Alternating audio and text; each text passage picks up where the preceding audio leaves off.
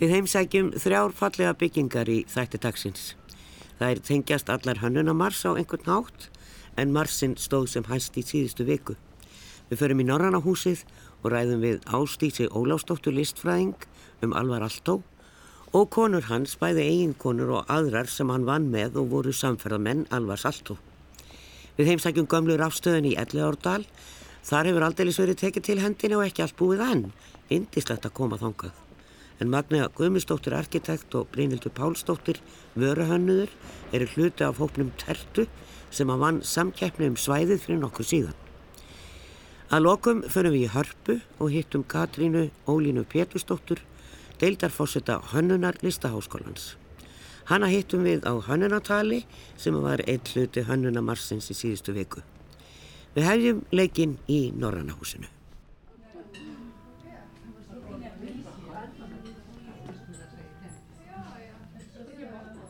Við erum búin að koma okkur fyrir hér á kaffihúsi í Norrannahúsinu. Ég var nú ekkert alveg vissum að það væri en þá kaffihús hérna sem betur fyrr. Þá er kaffihús í Norrannahúsinu. Hjá mig situr Ástíks Ólastóttir listfræðingur og starfar í París. Já, af hverju við komum okkur fyrir hér í Norrannahúsinu er vegna þess að hluti af hönnunamarsinum er umfjöllun um kvennkins frumkvöðla og sögulega byggingar og þar eru við að tala í arkitektúrnum. Og ég veit ekki hvort það eru margir sem vita það að setni kona Alvars Altó sem er höfundur þessa hús sem við törum nú alltaf um var eh, Elisa Altó og hún hafa fylst best með því þegar húsið var byggt og klárað í rauninni þessa tekningar. Ástins ætla líka að segja okkur frá uh, húsið eftir Aldó í París. En við skulum byrja á því að ræða eins um, þetta kemur allavega mér alveg einhvern veginn í opna sköldu, ég hef bara aldrei heyrt þetta annað en að hann væri bara einn af þessu og væri bara að vinna með þessu frá A til Ö. En svo er ekki, það eru nefndar hérna þrjár konur, Elisa Aldó, Ilona Letinen og Pirko Söderman sem að allar hafa unnið á stofunni. En þetta er náttúrulega gætnað þannig, ef að maður er kentur við stofuna þá fær hann heiðurinn en sem við kannski ekkert unni mikið við þessa byggingu annað en að svona rissana upp. Og það er nú talið sko sérstaklega því að hann minnir á Íslands landslag. Tala margir um jökul og hraun og eldgós og allt það sem maður svona sér á húsinu utanfrá. Já, Alvar Alltof var náttúrulega mjög svona afgerandi personleiki og mjög ríkur í eh, náttúrulega finsku menningarlífi og, og hafði mikil áhrif þar og á, á sína, sína samlenda og sína samtíð. Það sem að er líka þáttið sérstaklega við og er að, að ok, þó að hann, hann fekk svona einmitt heiðurinn og kreditið af þeim byggingum sem eru við hann kendar að þá var hann alltaf mjög náið með konum. Og, og þá má nefna alltaf með fyrstu, fyrstu eiginkonars Aino Marcio Alto sem á þau giftust 1925 og hún var nú aðeins eldri en hann og hann hafði kannski aðeins meiri reynslu til dæmis í gerð húsgagna og, og, og glermuna og svo leið sko þannig sem hann nautgóðs af og þau unni mjög náið saman og stopnuði meðal annars fyrirtæki Artek sem að hún var sem sagt listræðin stjórnandi fyrir.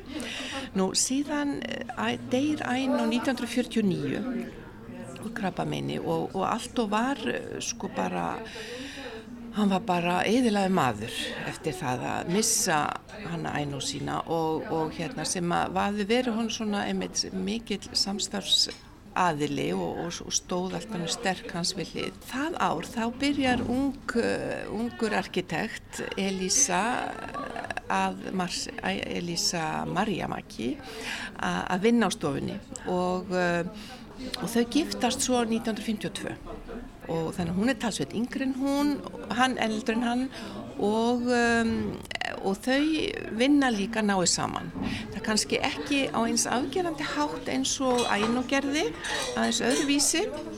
Hann var náttúrulega líka orðin eldri þarna, hann var mjög virtur og, og hérna var að byggja út um allan heim En hún, eh, sem sagt, eh, vann mjög ötulega á, á stofunni og, og held doldið mikið utanum hana og sérstaklega eftir sem að kannski árum færðust yfir hann að þá var hluti hennar svona mikilvægari. Þannig að það er nú einu mynd hér í þess, þessari frektartilkynningu sem ég fekk frá Hannuna Mars. Er þetta hún? Já, þetta er hún, já, þetta er hún.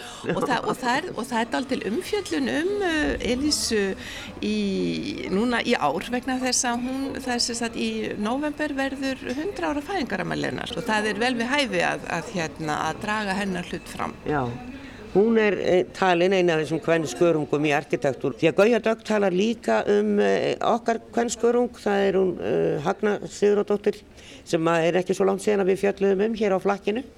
En við ætlum að halda okkur við þessa gesti sem komu hingað. Arkitektin Sirka Lísa Jenssonen uh, fór yfir sögu finskra uh, kvennarkitekta með áherslu á konurnar sem að hönnuð og sáum byggingu Norrannahúsins og það er þess að þrjá sem ég nefndi áðan. En Ástís, eh, þú varst þarna með á pallsborði að ræða um þetta hús og sömuleiðis allt á hús í París. Segð okkur aðeins frá því. Já, uh, meðan sjötta áratvín þá, þá byður Louis Carré sem var fransku listaverkasali og safnari, byður hann allt og um að hanna fyrir sig hús og það er hérna í Basos sem er aðeins vest, vestur af París og, um, og, og allt og gerir það og teknar, teknar virkilega fallett hús og uh, sem er einhvern veginn aðlagað að lífstíl uh, Louis Carré hjónana en þar kemur líka Elisa mjög mikið við sögu vegna þess að, að hún var, sagt, hún stjórnaði þarna framkvæmdunum sko og var miklu meira á staðnum heldur enn það var allt og sjálfur sko.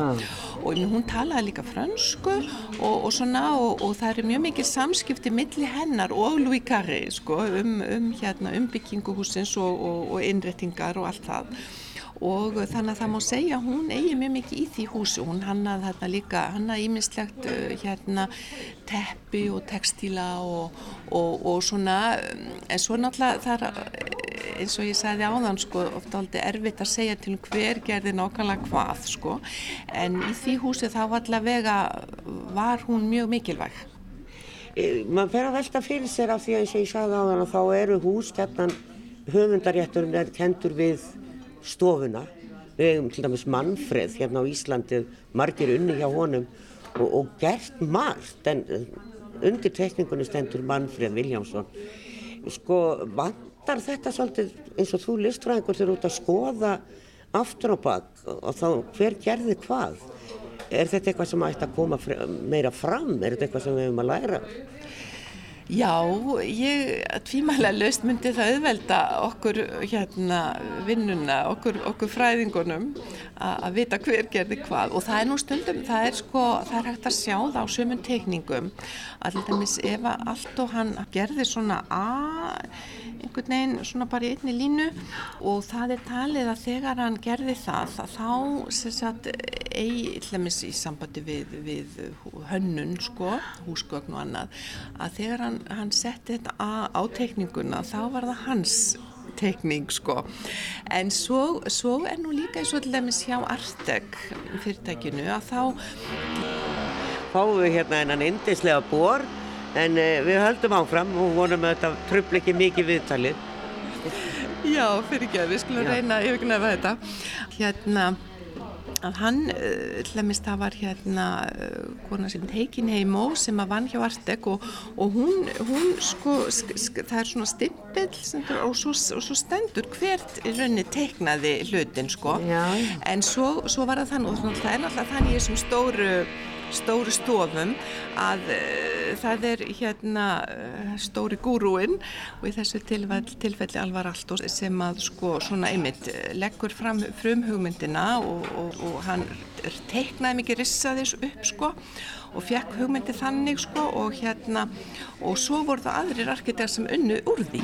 Og, og síðan kom hann og, og fór á milli borða og, og saði já ok þetta er fínt, nei þarna þarf það að laga þetta og svona sko. Já. þannig að hann hafði svona yfir umsjón sko með þessu öllu saman.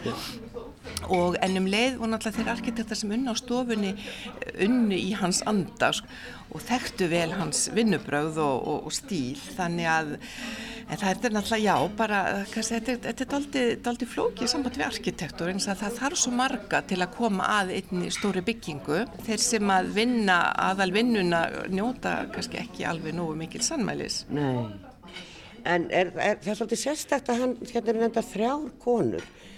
við erum sko hissa á, á velgengni högnu hér á Íslandi því að konur, þó arkitektur sé bara alls ekki kyngreint fag, að, að, að þær hafa verið svona í, í baklandinu og, og, og verið færri sem að lærðu hér áður, áður fyrir. En hann vildi hafa konur í kringum sig. Já, það, það, það er, er dálítið sérstakt held Já. ég sko og hér til dæmis ég hitti einhver tíman hérna þegar ég var að vinna minni dóttóðsveikjar hitti ég svisneska arkitekt sem heitir Alfred Roth Zürich og, og hann sem hefði þekkti, þekkti vel sérst allt og sínu tíma að unni með honum og hann sagði mér að hérna að, að sko það var allt annar stíl á Alvari Altó og Le Corbusier til dæmis. Já. og hann sagði sko Altó hann var alltaf með konuna sína með sér og, og hún, hún var alltaf svo elegant og klár og, og, og svo mikilvæg. Massa, hann sagði maður sá aldrei konunans Le Corbusier. En það er svolítið öðru til byggingar Já, já, já, já, já, mjög ólíkar byggingar þannig séð þó að þeir hafi verið svona á í á svipuðu, svipuðu róli sko að þá, þá eh, já, má kannski má segja að þessi meiri líka efniskend og, og, og meira lagt upp úr na, notandanum e, meira tilliteki til hins mannlega þáttar hjá alvari allt og, og mýgri línur hvort er maður að kalla kvenleiri línur en allavega önnur nálgum En þú starfar í París og listfræðingar, ég voru auðvitað að fjalla þeir um byggingarlist eins og annað en hér ertu nokkuð fróðum alvar allt og er, er þetta eitthvað sérstakt áhuga mál í þínum fræðigreinum eða hvernig er það? Já, sko ég er, ég er listfræðingur, lærði, lærði listasögu í, í Parísar háskóla, við Parísar háskóla. Og eh, en ég sérhæfði mig í rauninni í eh, hönnun alvars og ég hérna skrifaði doktorsmikirgerðana mína um dreifingu hönnunar á millistriðsáranum og það endaðilega með því að ég meiri hluti ríkjana varð um alvar og það kom til af því að ég fór til Finnlands 92 og uh, hitti allt og ég var svo heppin með það. Ég er mjög glöð að hitta hana. Hún var svona hávaksinn flott, flott hún, hún deyr sko tveimur áru síðar. Hún var komin til ára senna en rosalega svona sólít og flott kona. Og hún gaf mér hérna aðgang að bara, bara öllum uh, skjölum hjá uh, hérna Alvar Alton Foundation sko og sem voru ekkert rosalega vel hérna, skiplega á þeim tíma. En ég þarna komst í alls konar bref og brefaskipti milli allt og, svo, og aðnar frumkvæla nútíma arkitektúrs og hönnuna á þessum tíma. Og þetta var svo áhugavert og svo, og svo merkilegt að ég, hérna, ég já, var eiginlega sérfræðingur í alvari allt og á þess að hafa allað mér það í upphafi. Já, hann hefur kveikt í þér, greinilega, en uh, þá þekkir líklega byggingar eftir hann út um allan heim það eru hús eftir hann í mörgum löndum, ekki bara í Fraklandi og hér. E, gerir ráð fyrir að séu nokkur eftir hann í Finnlandi, en, en hvað, e, hvað sem merkilegar eru þessar byggingar og eru þær allar svona aðtökli verðar allstað þar sem eru byggð hús eftir hann?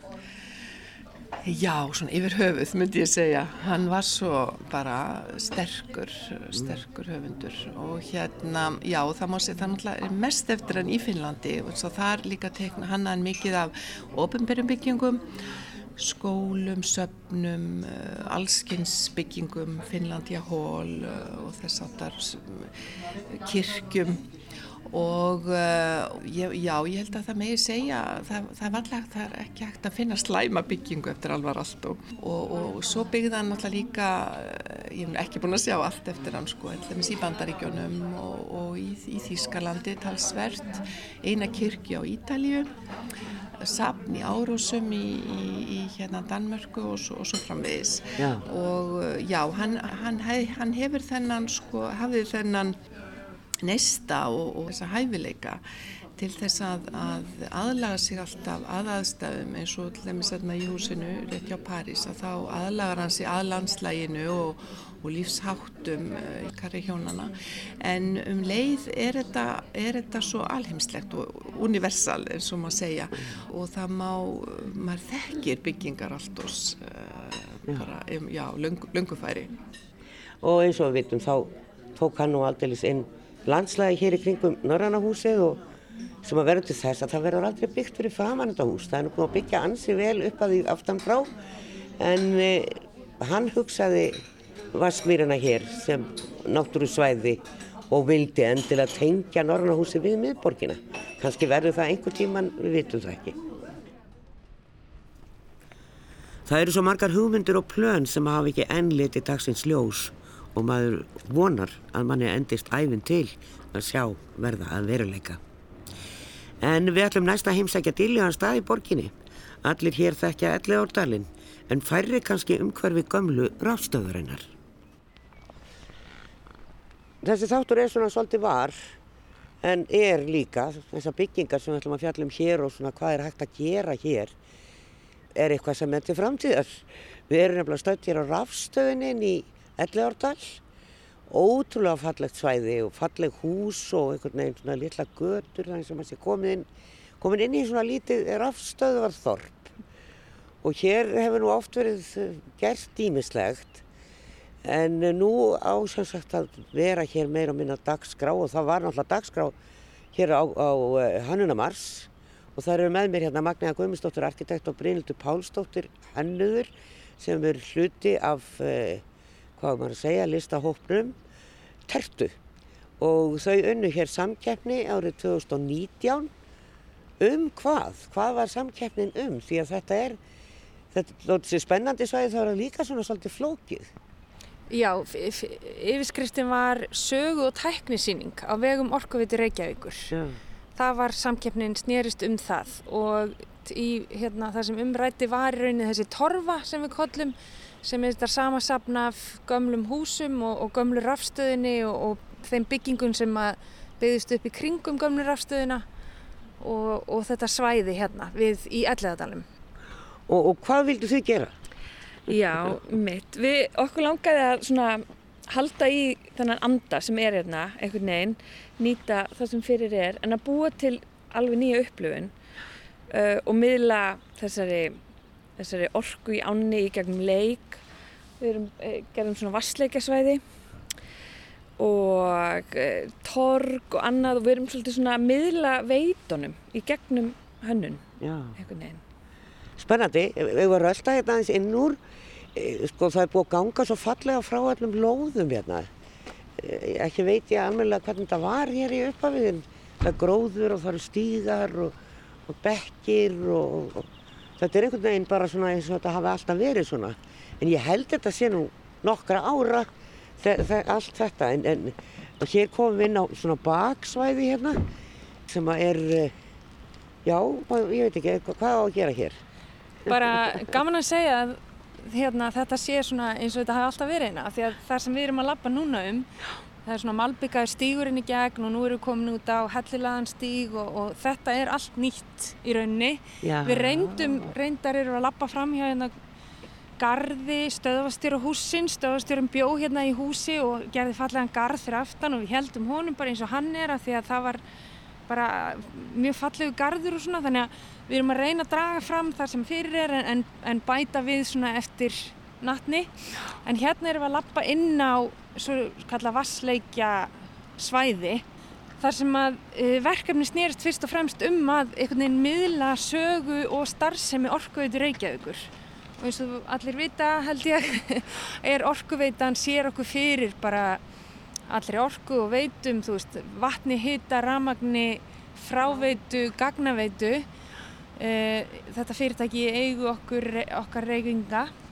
En okkur langa verkefni var að reyna að útskýra þessar veitur og þessa orku og hver, hvað, hver starfsemi hver starfsemin er yeah. og hvaðan koma þessi gæði sem við búum við á hverjum degi í og dag. Og hugsaum ekkert um. Og hugsaum aldrei um að þetta er allt einhvern veginn neðan hér. Þannig að okkar vinna var svolítið að draga þetta fram og upp úr jörðinni og búa til þegar sögur tæknisýning þá kannski hugsa maður um já ok, þetta er eitthvað hús sem ég borga mig inn á og kaupi miða og svona en við lögum svolítið áherslu á að byrja bara á útisvæðinu og þessu almenningsrými og síningin væri rauninni bara almenningsrýmið og upplöfun og leikur í almenningsrýminu þar sem allir geta notið hérna niður við Anna kannski eru alltaf neyra áni en Bryndur þú sko þessi hópur hann samastendur af allavega hvað maður að segja listamennum hönnuðum þetta Já. er svona þver faglegur hópur. Já, heldur betur. Við erum sko, það eru arkitektar, grafískur hannur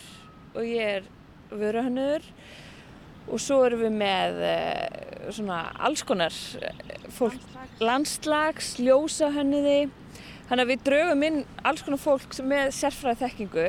En það sem er kannski skemmtilegt við þessa vinnu hjá okkur er að, að við höfum unnið þetta alveg saman frá upphafi. Þú veist við erum ekki að kalla til grafískan hönnuð í lokin eða eitthvað heldur er, er samtalið alveg á sér stað alveg frá upphafi millir allra þessara faggreina Það er svo langt séðan ég hef komið hingað en, en ég hef komið hingað út af listsýningum og öðru.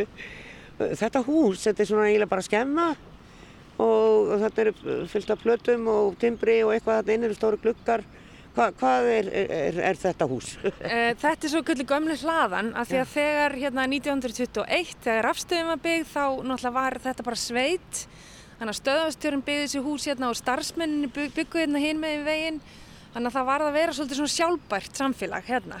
Þannig að það er fjó, gamalt fjós, gömul smiðja og þetta er gamla hlaðan sem að við reyndar er eina byggingin sem við rifum og byggðum upp aftur í nákvæmlega sömu mynd nefn að það er stálstruktur inn í henni ekki timbur. Og á sínum tíma var þetta bráðabyrða bygging Já. fyrir þetta var hvað 90 ár síðan mm. þessi hlaða var byggð þannig að e, það er þóttir svona alveg eðlilegt að endur nýja hana en öll önnur húsin er við bara að halda og mála upp á nýtt og, og kannski innrétta upp á nýtt Já. þannig að þetta er raunni en, en við ætlum til dæmis í heldum stóru hlöðu hurðinni sem kemur á gablinn og og það er svona e-mails element, það er hérna sami liturinn sem kemur á þakið og, og hún er timbuklætt og svona þannig að hérna þetta er svona nýgömmul bygging. Ég skil. Eh, ég sé að það eru stígar hérna og talum aðeins um það en fórst, hérna, áinn kallar á mig að það byrjar að heyri í henni en hérna ég sé að það voru krakkar hérna á hjólum fyrir ofan er búið að bæta við mikið að stígum hérna fyrir ofan. Já, við erum búin að búið til hérna, stíg sem liggur hérna alveg þvert í gegnum svæðið og mun vonandi tengjast uh, brú sem kemur vonandi einhvern tíman hérna yfir í hólmann. Já. Þannig að við hugsuðum allt stígakerfið til þess að tengjast betur uh, öllum þeim stígum sem eru fyrir Já, í, í, já. í dalnum. Þannig að þú, það eru marga leiðir inn á svæðið og marga leiðir út á svæðinu. Ég skil, þetta er náttúrulega frábær göngustæður og það er fyllt af fólki sem að fer vestan úr bæ á bílnum sínum og leggur hérna einhver staðar í elli á dalnum og, og nota síðan daginn til þess að vera hér bara. Einmitt, algjörlega, Já. algjörlega. Og það er, þá verður þá mögulega eitthvað hér af því að nú er komin einhvers konar staðarhaldari. Hún heitir Birna Bragadóttir sem að er hér, mm Mhm. fórstöðukonna. Hér endar þetta og við komum út, í, út á svona möl en sjáum ána sem er ansið vassmikil núna. Ótrúlega fallegt. Já, já. Og hér mega allir fara um eins og þau vilja. Já, Já. Dalur, þetta er bara hinn borgargarður, Elliðadals. Elliðadalurinn og hérna er mjög skemmtilegt og það líka er gaman hvað Ramagsveita Reykjavíkur sem er forveri orkuveitunar hefur verið hérna í 100 ár Já, og það er mjög mikið til, sko, allir gróðurinn hérna í dalnum er mikið til starfsmunum Ramagsveitunar gömlu að þakka. Það Já. voru starfsmannafélagið sem að plantaði fyrstu trjánum hérna, þannig að það er raunni, má líka benda á hluta þessi verkefni að við fórum inn í Hólmann og Dalinn og plöntuðum svona nokkrum minnisvörðum um starfseminna líka því að Dalurinn er raunni allir undir og áinn er auðvitað svolítið hérna, ástæða fyrir þessu öllu. það er einmitt, það, menn komi hér á gróðisett og eitt helgonum og sumardögum í það. Eh, Þetta voru bara klappir og melar. Já, þetta var bara svona hrauntunga Já, já, já. Og hérna, einmitt, það er gaman að segja, við, það eru sem sagt þrjár innsetningar núna í hólmónum sem að við e, frumsyndum fyrir ári síðan e, eftir þrjá hönniði, eða þrjá hönnunarhópa og það, og það var ótrúlega gaman að, að, vinna, að, veist, að vinna með þeim og, og, og fá nýja, nýja hönniði inn á borðið og lefa þeim að, að spreita sér, taka þátt, já. En, en þú- þið talið um Hólma sem þýðir þá að hann er laus við fast land. Mm. Og hvernig kemst maður þangað ef, að- ef að brúin er ekki komin ekki hérðan allavega? Uh, já, maður þarf að lappa aðeins hérna upp með ánni bara í nokkra mínútur og þá kemst maður á brú yfir og það eru held ég tvær ef ekki þrjár brýr Jú. Já, sem tengjast inn á Hólmann. Það er bara ekki akkurat hérna við þetta svæði. Nei. En það var samþygt sem sagt, nýtt deiliskipulag, held ég fyrir einu eða tveimur árum síðan, fyrir Elliðadalinn allan. Og hérna þar meðal voru þessar svona stígatengingar og sett- bætt við brúartengingu hérna yfir ána. Já, ég skil, það Já. er alltaf bara indislegt. Já. Við skulum uh, rölda tilbaka. Hvernig er það, uh, vitið þið sko, nú er afstöðahúsið, það er alltaf mjög fallegt hús og falleg bygging og skrýtna græjur hann inni sem að voru að gera búa til rafmagnin fyrir okkur. Eh, Stöðin er held ég ekkert notu í dag og er eins konar safn. Eh, Vitið þið hvað á að vera þar? Verður það opið? Já, sko, rafstöðin verður aldrei nýtt aftur sem rafstöð, heldur verður hún bara þessu safni, þetta er bara minjar um þessar, þessa rafstöð, þessa virkun sem var. Orkuvitan er búin að taka það ákvörðun að hún verður aldrei sett í gang aftur. En það er hún pínu lítil og, og einhvern veginn í þessu saming í dag þá einhvern veginn meikar ekkert sans að vera að kera hana. Líka bara fyrir lífríki í ánni og annað. Þannig að, hérna, þannig að þetta verður bara einu stóru s- safni í rauninni. Já, já. Það fallegt þetta í dag þó að rigna okkur, það er blanka logn og myllt. Það er alveg hægt að koma hinga í svona veðri, maður þarf ekki alltaf að vera í sól. Er virkilega. Já. Við heyrðum einhvern tíman að það er alltaf aðeins heitara hér heldur en annars þar í Reykjavík. Já, Það ætti, ætti að vera viðurstöðina. Bara Já. sér hitasti hér. Er nú á mörgum stöðum og kemur inn í svona lilla dali. En kannski að lokumagna, við horfum hér á einhverja sko, þykka trjábóli. Eh, Er þetta, já, hvað á að gera við þetta? Já, sem standa hérna. Þetta Já. er svona, við vorum að reyna að búa til sko bara þetta vassleikjasvæði sem við erum hérna komin aftur að. Já, Það að vera svona hérna mínatúr sko eh, mótil af elliðánum og stíplunni þar sem verða pumpur hérna upp að hól þar sem krakka geta pumpa vatni niður og svo rennur það hérna í farvegina og þar er hægt að stípla og það er, þetta er sagt hólminn hérna í miðjunni já. og þar erum við að búa til svona náttúrulegan leikvöll með trjádrumbum og grjóti og svo verða hérna berjarunnar líka sem að krakka geta svona týnt bervonandi í sumar kannski setna eitthvað.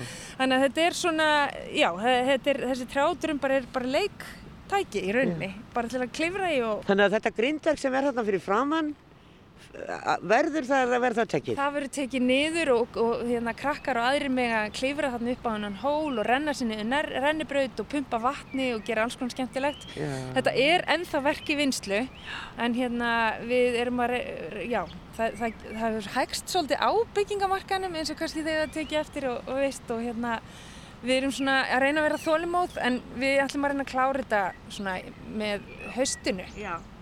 En það er samt alveg hægt að koma hérna og, Já, og njóta svæðisins og kaffihúsið opnar ekki fyrir í haust. það er nefnilega það. En það eru tilbúin, það er hérna röraleiksvæði, við erum með svona, svona veituleiksvæði, við erum með svona steifta húsabruna og rör Já, sem er orðað svona eins og einhverjum svona klifur og skrýði í gegnum Já, og allt já. það sem að krakka vilja gera. Já, og svo eru þarna sérst glitti í æfingastöðvar og þarna vorum við að vinna með hérna, það stóð eitt sinn tengivirki, risastór tengivirki og við tókum svona fótsporið af því og, og breyttum nokkrum svona pörtum af því í þessar æfingastöðvar, svona mannlegar orkustöðvar þar sem getur, Framleitt eigin orku. já, Sagði Magnaða Guðmundsdóttir arkitekt og við kveðjum hana og Brynhildi Pálsdóttir vöru hönnuð. En þetta svæði er öllum opið þó svo allt sé ekki tilbúið.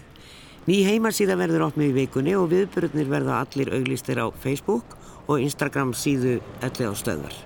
Til dæmis verður farið í skóa og sveppagöngur, fræðsla með skóvistfræðingnum Helenu Mörtu Stefánsdóttur skóvistfræðingi Á lokadegi listaháttíðar í Reykjavík umbreytist svæðið í kringum 11 ástöð í sannkalla undra veröld og ótal aðrir viðburðir sem að verða ekki tíundagir hér.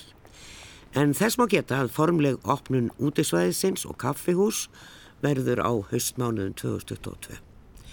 En við bregðum undir okkur þeim betri og höldum í hörpu. Já, við erum komið hér í hörpu en það já, kannski stærsta hönnunaverkefni sem hefur verið framkvæmt hér á Íslandi bara svona yfirleitt held ég þetta hús allavega með þeim stærri en eh, hér á eh, hönnunamars er eh, designer talks eða hönnunartal ef ég kosið að þýða þetta yfir á íslensku og hér er náttúrulega allir mættir og ef maður ætla að ná í einhvern í viðtal þá er það bara mætanir í hörpu og draga fólk út af fundinum. Fjöldimann smætt hér og að hlusta á hinn og þessa bæði erlenda og íslenska að tala um hönnun frá öllum hliðum. En við ætlum að spjalla við hana Katrínu Ólínu Pétursdóttur, hún er deildafórseti hönnunar í LHI og við ætlum svona að ræða aðeins um uh, námið og tilgangin með hönnunamars sem var nú svona í skjóli nætur síðustu tvö ári eins og við vitum. En núna er bara allt í bóði og manni finnst einhvern veginn hönnunamarsinn blómstra þetta árið. Allir þýstir að koma og sína og tala en við skulum byrja á hönnunamarsinu af því að við erum nú hér og þú ert, sittur hérna inn í sall er margt spennandi á dagskránni? Eh, já, heldur betur og, og það er bara svo gaman eins og þú segir að við erum að koma svona, koma svona út aftur og, og, og fara inn í, þennan, inn í, inn í bara þetta, þetta samtal. Og það er frábært að fá gesti erlendis frá og sjá bara hvað er svona, hvað hefur verið að gerast og hvað er að gerast. Já. og það er nú ansið margt. Já, og ég held líka að fólk sé farið að taka miklu meira eftir og átta sig á að allir hlutirnir í kringum okkur og allt sem við erum í og bara hvað sem er gangustígurinn, húsinn, allt, allt er þetta hönnun. Allt er þetta hönnun og við e, í raun og allt í manngjörðu umhverfi er hönnun. Yeah. Það er hannað af einhverjum og held að það sé mikil vakning að fólk er átt að segja á, á þessu og, og líka eh, allt þetta, bara þessar áskorunir sem við hérna, stöndum fram með fyrir varðandi umhverfismálinn, loftlagsmálinn og hvernig við eh, og sóun og, og annað. Og þannig að það er að verða svona vakning með að fólk sem betur fer og það er náttúrulega að verða miklu meiri. Þetta, eins og einn hérna, fyrirlesarinn var að segja við þurfum alltaf að verða svona aktivistar uh, með náttúrunni, með umhverfinu og, og ég held að það sé alveg rétt. Það er Já. Það sem við þurfum að gera. Við þurfum alltaf að verða lítil Greta Thunberg og, og berjast. En skólinn af því að þetta, þetta nám hefur breyst svo gríðilega síðustu 20 ára eftir þetta fórin í háskóla. Og ég var einmitt að hugsa um sko, hvernig var þetta áður? Hvar voru, var fólk að læra fatahönnun? Hvar var fólk að læra vöruhönnun? Var það yfirlt hægt hér á landi e, á, fyrir háskólanámið og svo bara e, var eitthvað sem dættu út þegar þetta kom ég veit um að hérna talað um að kera mikinn og svona, eh, hvað á þess að nýttjalistin hafi svolítið horfið út úr hannuninni eða hvernig er það?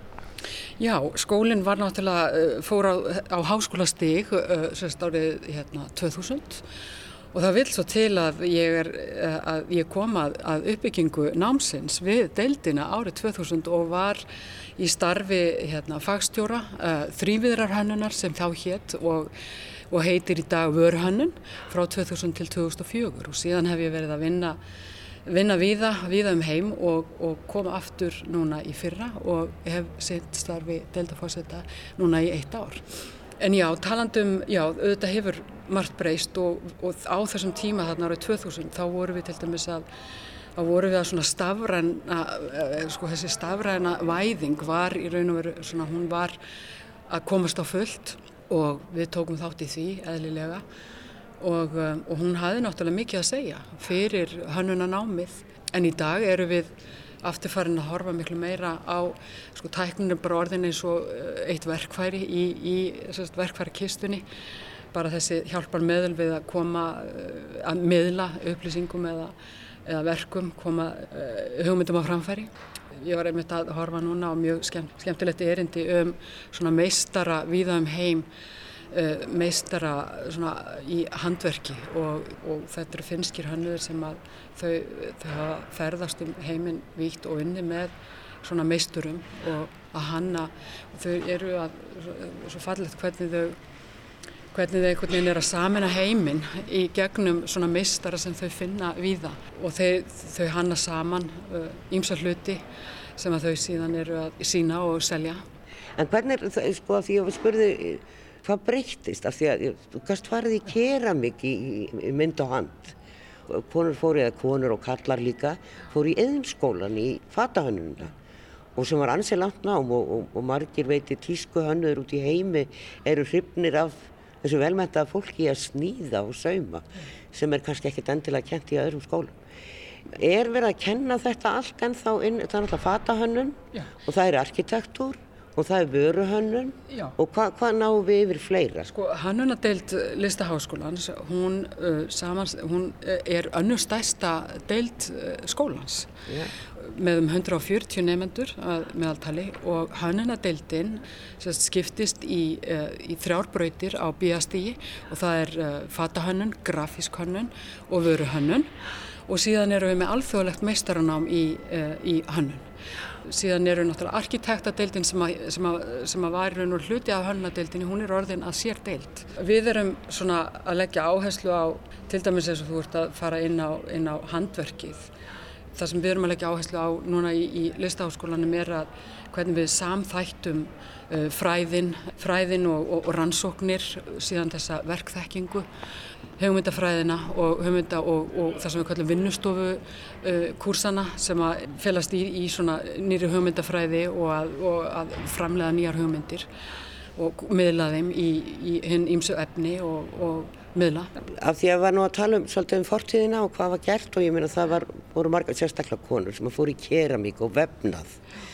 Þetta var í, mynd og hand og, og um, maður hugsa svona býtu Er, er, er þetta tapað eða er þetta ennþá inn í hugsunni? Já, nei þetta er ekki tapað og, og við erum með mitt hérna, og þarna kemur, þarna kemur sko þessi nýja hugsun, hvernig, sko, hvernig sko handverkið gamla, hvernig, hvernig getum við nýtta í, í sko deginum í dag? Og það er oft í tengslum við sko tækni Uh, í tengslum við sko bara jáfnvel sko gerfigreint og þannig að sko, að, að sko handverki lifir og, og það er svo mikið sem við getum sko lært af því og tilenga okkur og tekið einhvern veginn með okkur inn í þannig nýja tíma þar sem að þessar áskoranir mæta okkur varðandi umhverfismálinu og, og, og þessa ringrósar hugsun og bara hvernig við nýtum tæknina í, í bland við, við þessa hefðbundnu verkþekkingu hvernig hún getur fleitt okkur áfram í 8-9 lausnum og betri lausnum kannski ja. og það, þarna er ákveðin svona galdur og við í hannadeildinni vinnum við námið er þannig samsett að við erum með fræðin sem að gefa ákveði svona, sem að leggja inn hjá nefndanum svona bakgrunn Uh, og, og, og, svona, og þessar, þessar gaggrínu skapandi hugsun sem að í raun og vera allt námið í, í, í skólanum gengur út á. Það er þessi gaggrína skapandi hugsun sem að er þetta að spurja spurninga af hverju eru hlutinir gerðir svona en ekki öðruvísi, hvað var gott, hvað má betrum bæta, hvernig má bæta það? Þá og það er að leita þessara svara og fræðin og vísindin þau, uh, þau gef okkur, okkur þetta innleg inn í sko sköpunina. Þannig að, að þegar við erum með sérst, þennan sko fræðilega uh, bakgrunn þá getum við svona, já, lært að spyrja þessara uh, réttu spurninga og, og leita svara við þeim. Og síðan er, er meldu við þessi svör og finnum þetta áræði til þess að verða skapandi í hugsun og koma með einhverja nýja lausnir mm. til þess að náttúrulega betrum bæta heimin og þennan hlut heim sem að, sem að við erum í. Já. Og kannski að hugsa það þannig að gera nótirari í framleiðslu heldur en í dag og losa okkur við þessa fjöldaframleiðslu sem að gætnan er unnin í, í fátakar í löndum og fólk strittar daginn út og inn fyrir lítinn pening. Einmitt, þetta er góða punktur vegna þess að þetta er, þetta er þessi tímar í dag krefjast þessar nýju hugsunar sem er ákvæmlega þetta að sem er svona uh, útsjónasemmin og, og, og endur nýtingin og, og sko endur nýtingin og endur nýjunin að, á, á því sem til er svo heyrum maður líka að gera minna en meira og þar kemur inn þessi hugsun að, að sko, sem er þessi verndandi hugsun og sem að er svo mikilvæg mm. að, að ganga ekki á heldur, heldur gera minna en meira vera útsjónasamur þannig er svona þessi nýtni hugsun komin kannski aftur Eim. og þannig erum við kannski að fara í ákveðin svona ring og, og kannski talar þetta svona svolítið inn í þennan tíma áskorana sem við lefum í dag þegar heimurinn er að breytast og, og, og þessar risa áskoranir eh, blasa við okkur vöruhönnun, ég, þetta var einhvern veginn alveg nýtt fyrir mér þegar ég var að fara á síningar skólans, bara í vorsíningarnar og þá var, voru skemmtilegir og, og svona tilhörnakendir hlutir síndir innan vöruhönnunar og stundum upplöfum að bara hvað þetta eru uppfinningamenn og þau eru það náttúrulega mörg. Á hverju ári heyrum við eitthvað frábært sem er að koma þetta frá nefnunum. Þetta var ekki, það var ekki hægt að fara í þetta nám fyrir 2000, er það? Nei, uh, það er alveg rétt. Og uh, ég til dæmis lærði vöruhannun í París og en þarna árið 2000 þá komum við að fóta þessu námi. Og þetta nám er svona eins og, eins og þú lýsið, þetta er svona, svona uppfinningamenn, þetta eru svona rannsóknar miðanám en, en svona sko gildi, gildin okkar eru þessi, eru sko forvitni og, um, og að spyrja spurninga leita svara í svörunum þá, uh, þá öðlust við skilning yeah. og skilningurinn hann veitir okkur síðan áræði til þess að, að koma fram með nýjar hugmyndi til þess að betur um bæta heiminn. Yeah. Það er svona svolítið það sem okkar, svona, okkar, okkar gildi og, uh, og vöruhannun eins og við nálgumst hana þá er þá er þetta svona daldið á bíastíginu þá eru nefnendur að, að taka svolítið hlutina á heiminn í sundur og setja hann saman upp á nýtt í, með það markmiði að betrum bæta og, og skilja heiminn. Og oft er náttúrulega er við líka að við erum að horfa á það sem er vel gert, það sem er vel gert draga það fram og læra af því. Þetta er svona, svolítið, svona, svona kjarnin í hugsuninni í yeah. hugsuninni í hannadild og þetta er gengur alltaf út á að við erum með einhverjar upplýsingar uh, við erum með einhverjar sko, hugmyndir sem við erum að miðla þetta er miðlun og bara í hérna ímsu miðlun í, í sko, í, sko hvort sem það er í efni eða stafrana miðla eða hvaða er hvort sem þú ert í grafískri hönnun í fatahönnun eða í vöruhönnun. Þetta er svona sama, uh, sami kjarnin Já. í hugsuninni. E, Sjálfbarnið hefur verið þetta mjög áberandi í þessum síningum sem ég hef skoðað. Og, og svo er sem við náttúrulega bara orðin þekktir. Hefur hef, hef eitthvað fylst með því hvað við orðið um þína nefnendur úr vöruhannun frá því þarna 2000.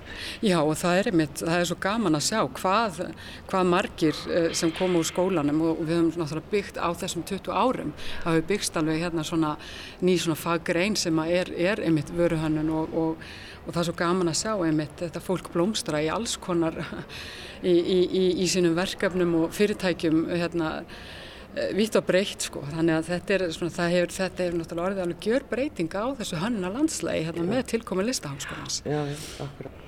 En e, já, núna erum við sem sagt á hér Designer Talks eða e, hannunartali mm -hmm. og spennandi dagur framundan, langur, já. en er, þetta er ekkert mjög langa ræður, þetta er stuttaræður og þannig að það er alltaf eitthvað nýtt. E, hér er margi mættir og sáfsagt margi sem eru starfandi bæði arkitektar og hannuður. Mm. Eh, en, en það er heilmikið á dagskráðu sem hönnamast bara eh, af því að það er eins og ég segi það er allir að springa. Já, það, það er alveg rétt og, og það er alveg, alveg ótrúlega spennandi dagskráðu næstu daga. Að, en við erum hérna í allanda og hlusta á einmitt þessi, þessi viðfangsefni sem við erum öll að velta fyrir okkur. Það er ringrásinn, það er uh, ringrásakerfi sjálfbærnin og, og, og líka sko endur nýting og endur nýjun endur nýjun uh, það er það sem við erum mikið að velta fyrir okkur í dag. Sko endur nýjun er, er, svona, er, er sko svo jákvæð í, í, í eðli sínu. Uh, þannig að þetta svona þetta er eitt af þessum þeim sem við erum að fjalla hérna um og svo er við að fjalla um stafræna heim líka náttúrulega. Hannuðinni koma einhvern veginn fyrst. Það er hugsuðurinn. Uh, og eru svona stjættin, sko, allir hann eru svona byrjar að gera sig grein fyrir því við verðum að breyta og hér þá verð ég að breyta heima hjá mér, hvað, hvað náttúrulega ég anna viðkomandi verkefni mm. en uh, svo er samfélagi, það er, það er að draga það með og draga þann vatn og hann getur verið ansi staður. Já, heldur betur en þetta byrjar einhver staðar og, og þá er bara að að við eh, gerum okkur náðu sínileg og, og, og það sem við erum að gera náðu sínilegt þannig að fólk eh, að verði ákveðin svona vakning og maður finnur að hún er, hún er komin eitthvað stað. Að í dag er ekki nóg að, að hanna eh, sko stól, þú þart að, þú þart að huga að því hvaðan efnið í stólinn kemur, hvernig efnið var til, í raun og veru svona forsögu uh, hlutarins, síðan þarf þú að vera algjörlega meðvituð um allt þetta ferli sem fer að stað í, þe í, í þeirri hannun og sem verður til þess að stólinn verður til. Og síðan, í, síðan eh, er það sko líftími stólsins, samband hans við þennan raunheim, þennan hlutheim við fólki sem situr á honum og notar stólinn og síðan eftir líf stólsins og í raun og veru þá eigum við að hugsa alla hluti í, þessari hringrás að allt fari í þennan hring og við eigum að geta skila hlutunum sem við erum að búa til og nota. Við eigum að geta skila þeim aftur og það er það sem að framtíðin mun krefast á okkur. Í hannunanáminu erum við að vinna með, við erum til dæmis að það er þessi áherslu á náttúrun og við erum þannig sko staðsett hér á Íslandi í þessari nálaði við náttúruna og þessu ósnortu náttúru og, og þetta er svona alveg sérstök staða sem við erum í hér. Við þurfum að hugsa meira og maður finnur ánd fólk hugsa svona, að hugsa meira með náttúrunni heldur en um hana og það er svona komin einhver svona ákveðin svona, hvað maður að segja, það er svona einhver svona ákveðin vilji til þess að venda frekar en að og, og það, það finnum við mjög mikið í, til dæmis líka já, já, hjá okkar nefendum í Það eru kynnslóðaskipti í þessum málum, það er alveg að reyna og við getum bara, við sem eldri hefum verið þakklátt fyrir það að þetta unga fólk sem er að taka við að það er meðvitað, miklu meðvitað er að heldur en til dæmis þegar ég var tvítug og rúmlega tvítug, maður hugsaði aldrei um þetta. Heimurinn hefur breyst alveg, alveg afskaplega mikið og í dag er það þannig að, að sko að þegar ég var að læra hönnun þá uh, þá var svona draumurinn að komast að hjá einhverjum framleiðanda sem geti framleitt uh, hluti eða húsgagn eða hvað var eftir mann. Og maður hugsaði, maður hugsaði svona að komast einhvern veginn á þennan vagn. Það var svona doldið svona draumur hvers hönnunar nefnda en í dag er, er sko þessi frumkvæla hugsun, hún er miklu meira ríkjandi og fólk er með þetta í dag um að það þurfa að búa sér til sín einn tækifæri og núna með þessari stafrænu og byltingu sem hefur náttúrulega átt sér stað síðustu 25 árin þá hefur þetta orðið mögulegt að, að fólk getur verið að vinna í fjarlæð, það getur verið að það getur verið framleitt sjálft og, og dreift sjálft og, og það þarf ekki, það er, það er svona hún hefur alveg riðlast þessi sko í raun og svona þessi framleyslu keðja sem að við erum vön frá, frá sko 20-stöldinni og nú erum við náttúrulega bara eins og, eins og við vitum öll, við erum að vakna svona upp við þann vonda draum að að 20-stöldinni þá, uh, þá, svona, þá fóru við ákveðna leiðir sem hafa leitt til mikillar mengunar og þessa umhverfis áhrifa sem við erum að, svona, að horfast í augu við í dag ja, og þurfum einhvern veginn að finna lausnir á. Og þetta er nú það sem við erum að hugsa mikið um í listaháskólum, hvort sem það er í fatahönnun sem er nú eina af eina þessum, þessi yðnaður sem engar hvað mest. Því erum að kenna þessari fjöldaframlegslu stefnu og að framleiða og dýrt og, og, og hérna, uh, fatna á hendunum. Nú þurfum við að hugsa öðruvísi þannig að nefnendur í listaháskólanum við erum að hugsa hlutin alveg niður í þráðin og, og að endur nýta við erum til dæmis í samstarfi við uh, fatasöfnun Rauðakross Íslands og þar eru nefnendur að, að nota gömul född sem búið er að henda og taka þau í sundur og setja þau saman upp á nýtt Já. og þetta er svona mjög skemmtilegt verkefni sem hefur verið í gangi í listaháskólinu síðustu ár. En kannski svona rétt í lokin að því ég ætla nú að fara að hlaupa þér inn aftur svo missi nú ekki af einhverju mjög góðu spjalli. Það er mastersteilt í, í hönnanáminu. Það er nýkomið mastersnámi í, í arkitektúrin en þið eru búin að vera að keira mastersnám hér. Í tíu ár, í tíu já, ár, í tíu ár. Þetta er alþjóðlegt mastersnám meistaranám í hönnun.